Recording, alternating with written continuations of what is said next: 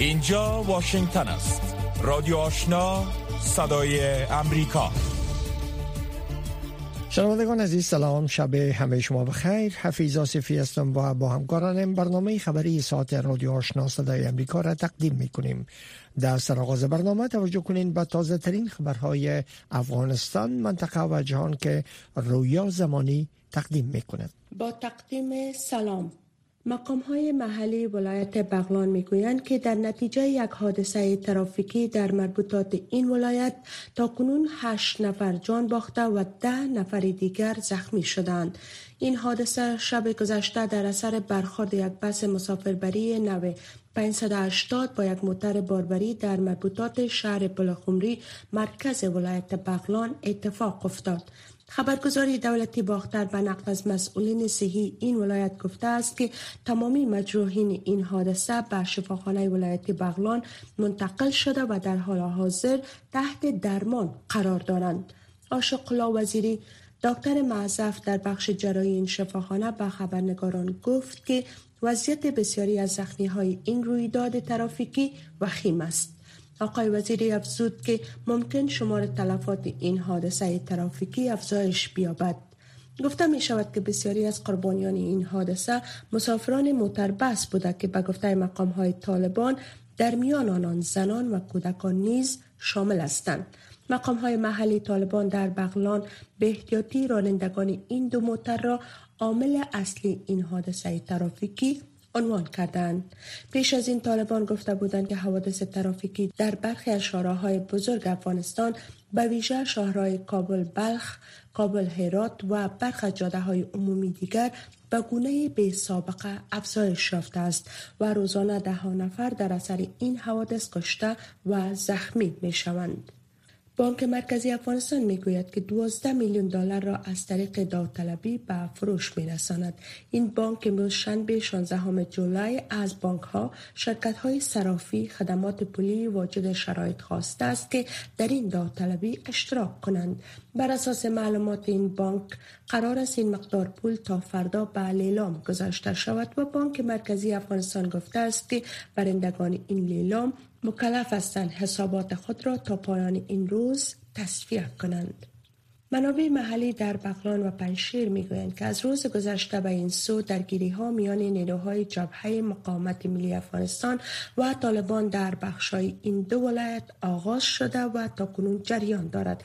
جبهه مقاومت امروز شنبه در خبرنامه گفته است که در نتیجه یک حمله نیروهای این جبهه در ولسوالی خوست ولایت بغلان سه تن از افراد طالبان جان باخته و شمار دیگر آنان زخمی شده است. بر اساس معلومات این این افراد طالبان نوقت دیروز در جریان یک درگیری در روستای چرخ فلک این ولسوالی کشته شدند به گفته جبهه مقاومت درگیری ها از روز گذشته به این سو در ولسوالی خوست فرهنگ و ولسوالی های سیگانه درای اندراب جریان دارد. در این حال منابع مردمی گفتند که طالبان از سه روز گذشته به این سو عملیات گسترده را برای از بین بردن نیروهای مخالف این گروه در بخشای ولسوالی خوست فرهنگ آغاز کرده و رهبری آن را مولوی فسیح الدین لویدرسیز طالبان به عهده دارد. خبرها را از ماجراتی آشنا مشنوید. های اسرائیل امروز شنبه پس از آن قلمرو فلسطین را آماج حملات قرار دادند که چندین راکت از جانب غزه بر خاک اسرائیل پرتاب شد اردو اسرائیل گفت که دو تأسیسات حماس را در کرانه غربی رود اردن هدف قرار داده است که یک آن پایگاه زیرزمینی تولید راکت بود شاهدان در غزه می‌گویند که دو کمپ آموزشی حماس در این حملات هدف قرار گرفته است تا کنون از تلفات گزارش نشده است گروه حماس سفر آقای بایدن را محکوم کرده و فوزی برهم سخنگوی این گروه گفت که بمباران اسرائیل منعکس کننده حمایت و تشویق ایالات متحده از رژیم به گفته و صهیونیستی برای ادامه تجاوزات و جنایات اسرائیل می باشد. رئیس جمهور امریکا و ولیعهد عربستان سعودی در یک اعلامیه مشترک بر مبارزه با حراس افغانان مستقر در افغانستان تاکید کردند. جزیات بیشتر را از سحر عظیمی مشنوید جو بایدن رئیس جمهور ایالات متحده و محمد بن آل سلمان ولیعهد عربستان سعودی در نشست رسمی با حضور مقام های بلندپایه هر دو طرف درباره همکاری های راهبردی دو کشور برای توسعه متقابل منافع عربستان و آمریکا در دههای آینده و توسعه دیدارهای آرامتر و امنتر و رفاه و ثبات در خاورمیانه بحث و گفتگو کردند. بخش صحبت این دو رهبر به موضوع افغانستان نیز اختصاص یافته بود که در اعلامیه مشترک منعکس شده است. این دو کشور در حالی بر همکاری برای سرکوب حراس افغانان و گروه های افراطی در افغانستان تاکید کرده است که اخیرا گزارش های مختلفی در مورد فعالیت های طالبان پاکستانی یا پی علاوه بر داعش القاعده در افغانستان نیز منتشر شده است. چیزی که طالبان آن را رد کردند و میگن که اجازه فعالیت تهدید دیگر کشورها از خاک افغانستان به هیچ گروه حراس افغان دادن نخواهد شد.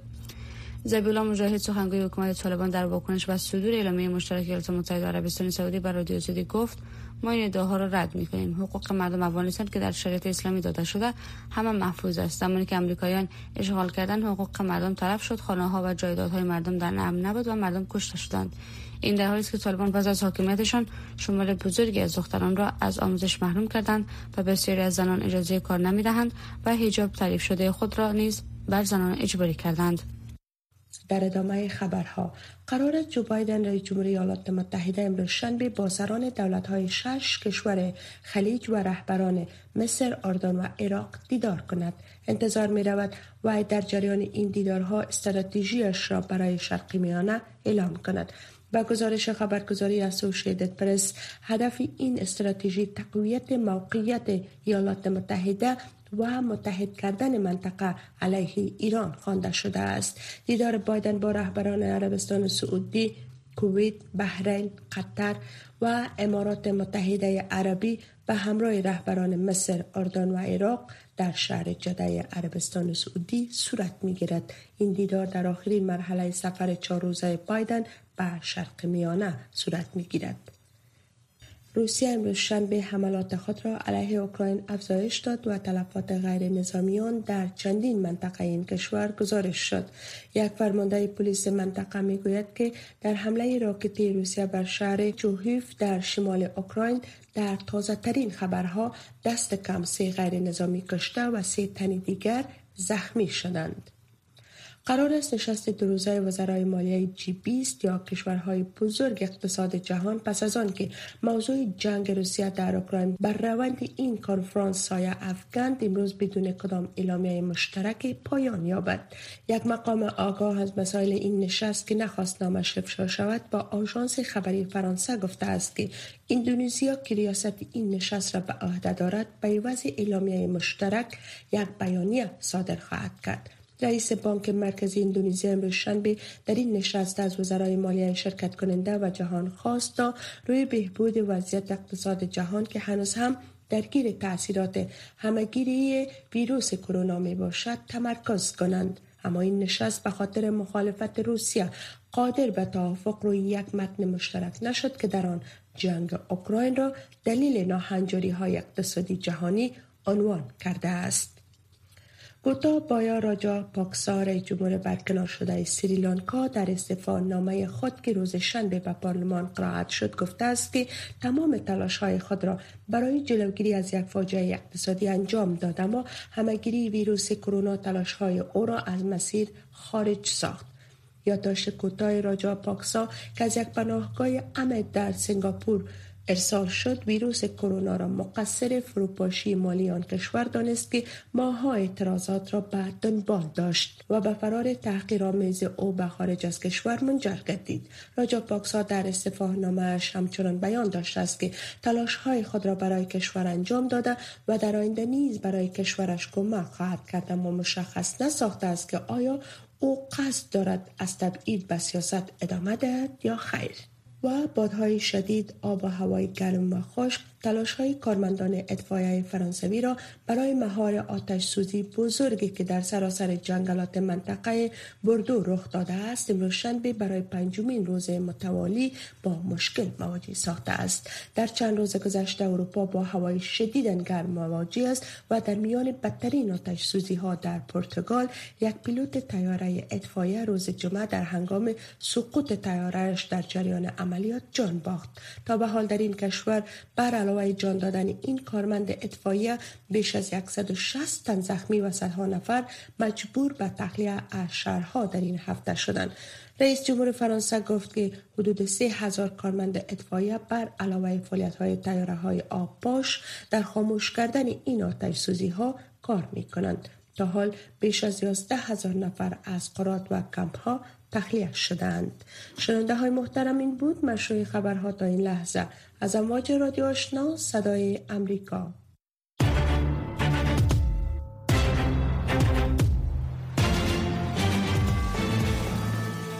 روکو راست صحبت های داغ صاحب نظران و نظریات شنوندگان در مورد خبرها و مسائل روز هر شام از ساعت 8 تا 9 شب در برنامه مشترک دری و پشتوی رادیو آشنا صدای امریکا.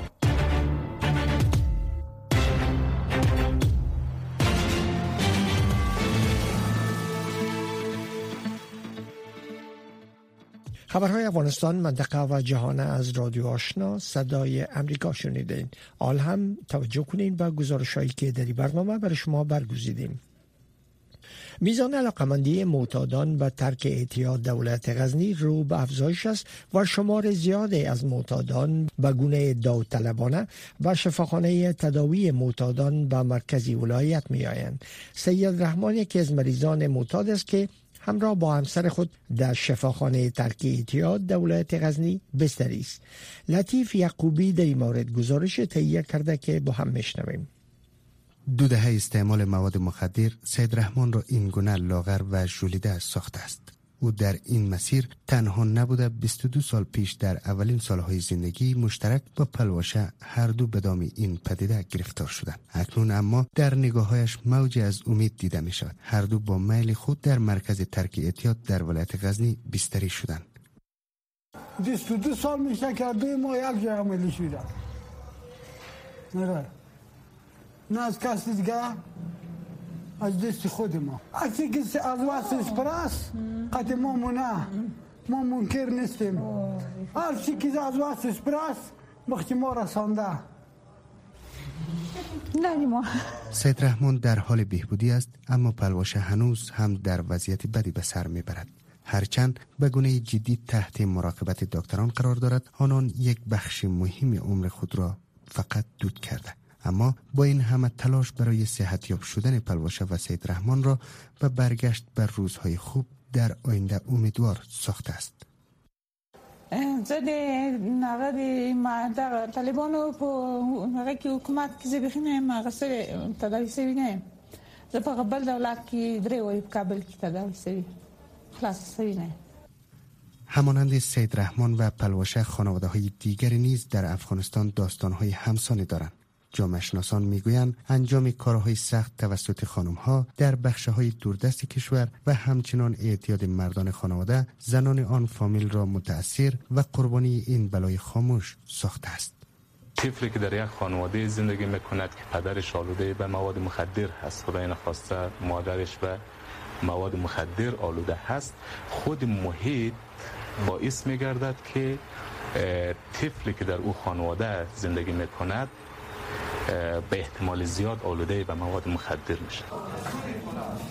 در حالی که میزان علاقمندان ترک اعتیاد و مراجعه آنان به مراکز درمانی افزایش یافته اما بر بنیاد گزارش ها فعالیت بیشتر شفاخانه های تداوی معتادان در کشور به دلیل قطع کمک های جامعه جهانی متوقف شدند. با این حال حکومت طالبان نیز با پیروی از دستور رهبرشان در تلاش جلوگیری از تولید فروش و قاچاق مواد مخدر هستند.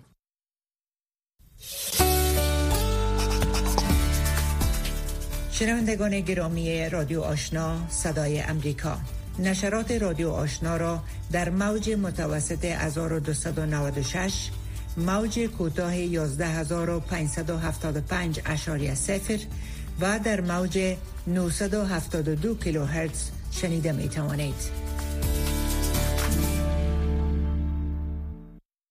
جیمز کنینگهم سفیر پیشینی ایالات متحده آمریکا در افغانستان عدم تغییر رفتار طالبان در یک سال گذشته تاسف بار خوانده و گفته که طالبان با وضع قوانین سختگیرانه افغانها را مایوس ساختند.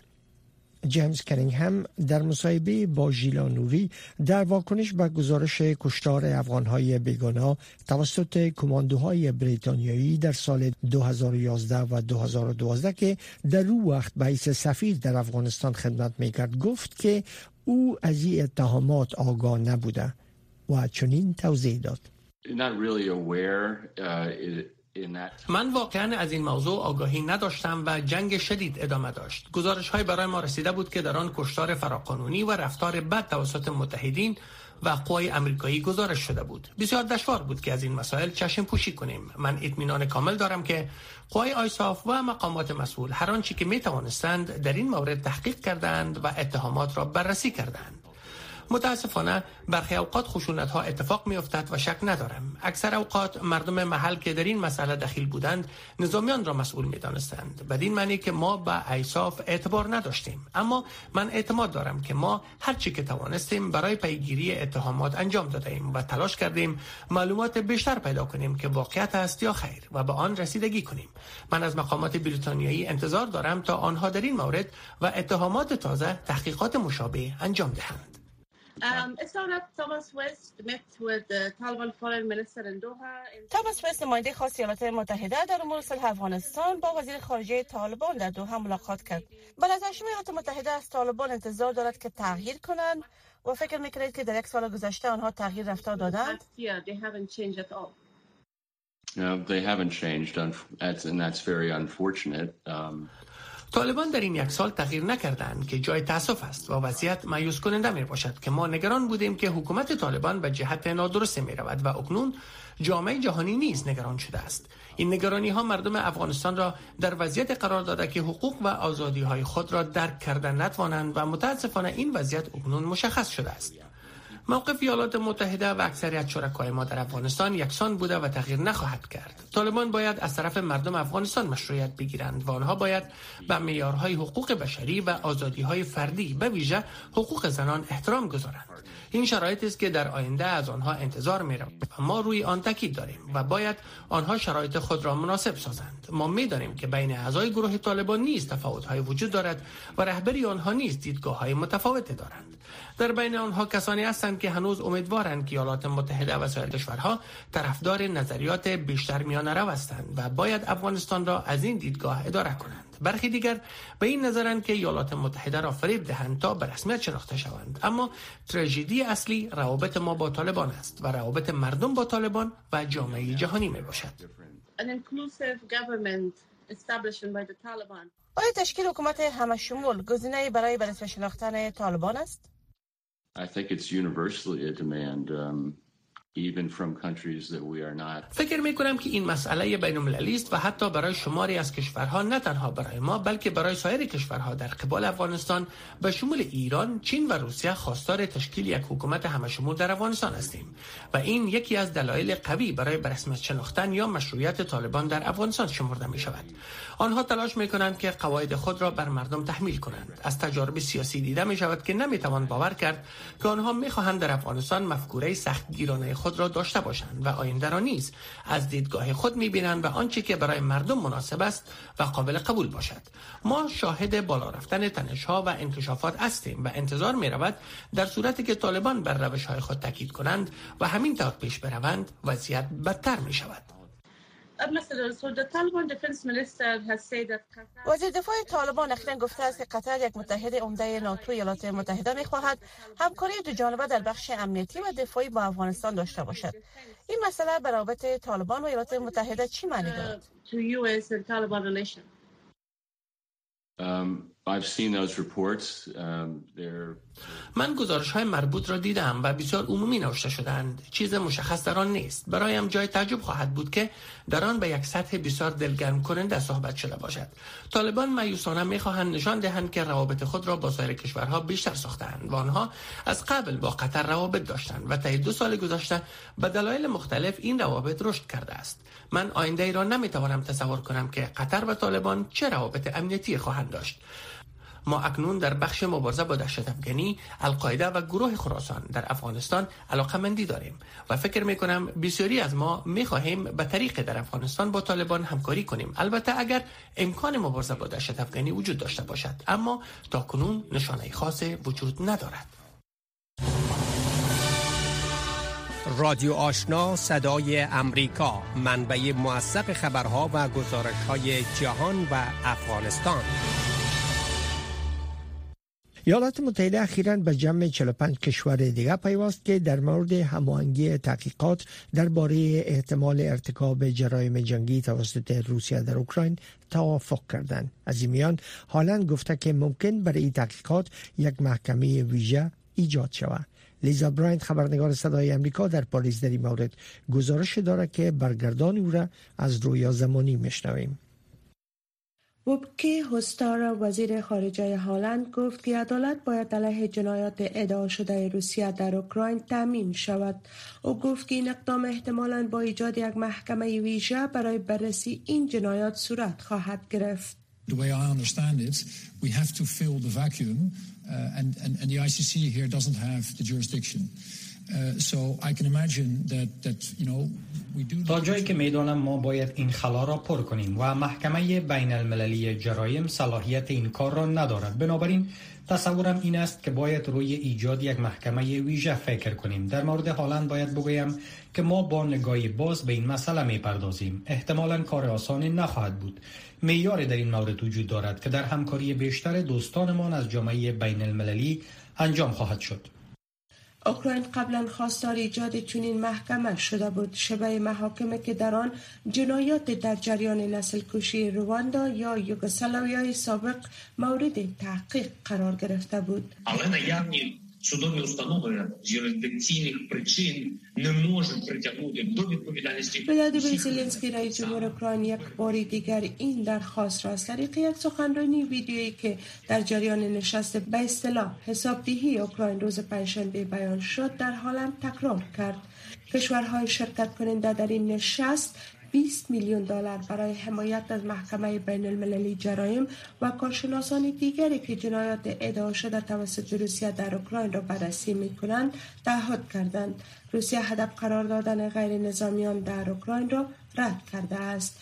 محکمه بین المللی جرایم صلاحیت تعقیب مجرمان مزنون در جنگ اوکراین را ندارد زیرا نه اوکراین و نه روسیه عضو این محکمه می باشند اما کریم خان سارنوال این محکمه می گوید که که این محکمه ابزار قدرتمند برای پیاده کردن عدالت دارد و هماهنگی میان کشورها در این راستا بسیار مهم بود This has to go beyond Ukraine because every life matters.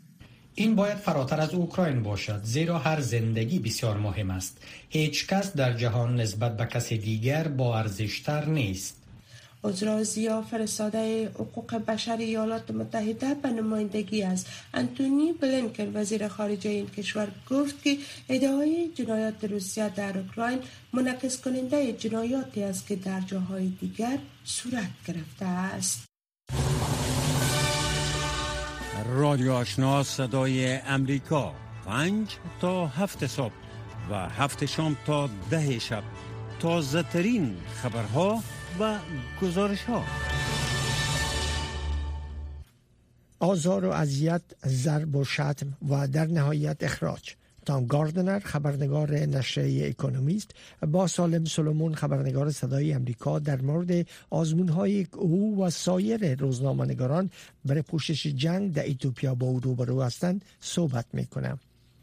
شرح بیشتر از سحر عظیمی. از راهپیمایی های طرفدار دولت در ادیس آبابا پایتخت تا تظاهرات در واشنگتن پایتخت ایالات متحده.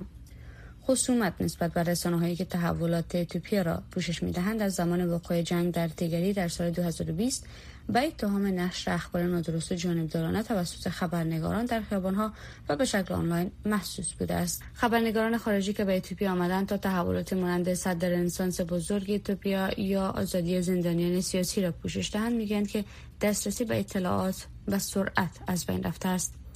تام گاردنر خبرنگار نشریه اکونومیست می‌گوید مطمئنا پس از شروع جنگ وضعیت بسیار دشوارتر از قبل شد. سال گذشته مرا از رفتن به تیگری منع کردند. مانع رفتنم شدند. تام گاردنر خبرنگار روزنامه بریتانیا اکونومیست است دولت اتیوپیا او را در ماه می از این کشور اخراج کرد. گاردنر پنج سال و نیم است که اخبار مربوط به اتیوپیا را پوشش داده است. پس از آن آشفتگی سیاسی و اعتراضات آغاز شد و همراه با آن آزار و اذیت. او می‌گوید سپس همیشه مشکلات احتمالی با پلیس و نیروهای امنیتی محلی وجود داشت.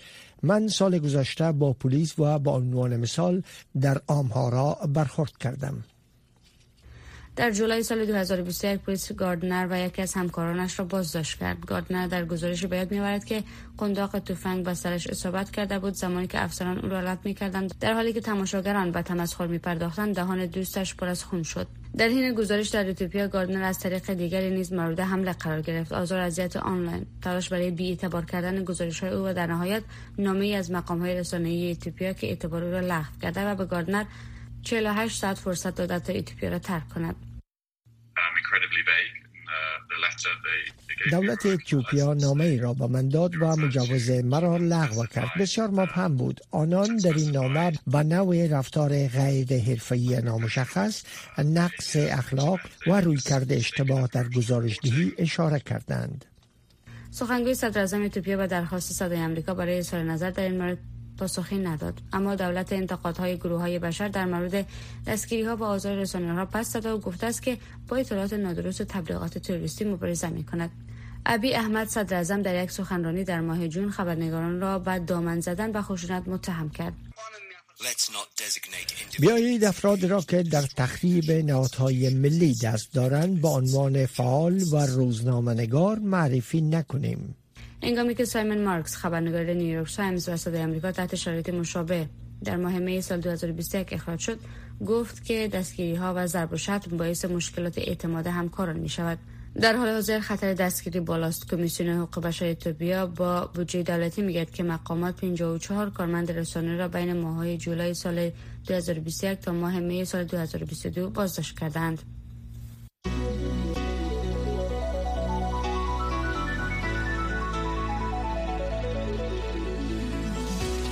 صدای امریکا در فیسبوک. facebook.com voa دری.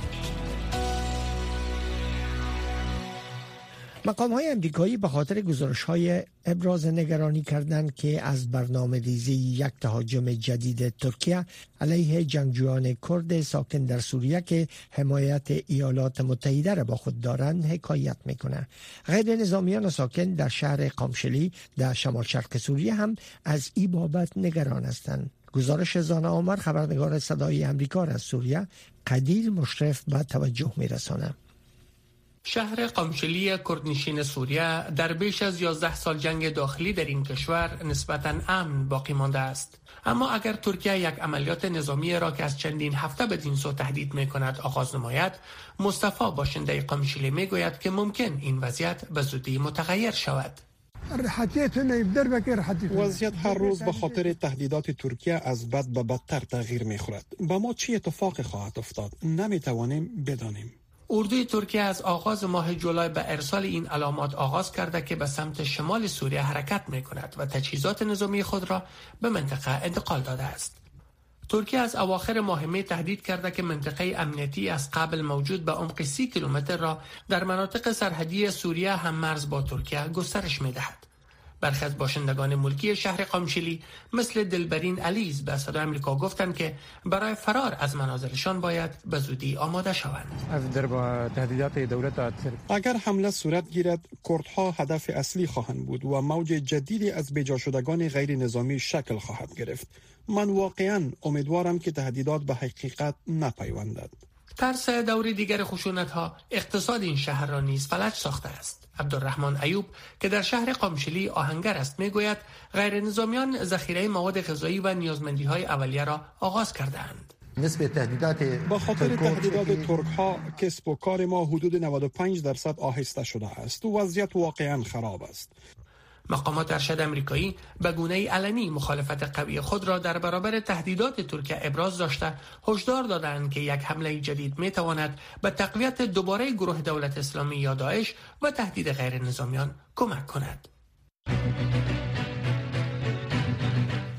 شنوندگان عزیز ای بود داشته برنامه خبری که در همینجا به پایان رسید اما نشرات پشتو و دری رادیو آشنا صدای امریکا همچنان ادامه داره. شنونده رادیو آشنا باشید.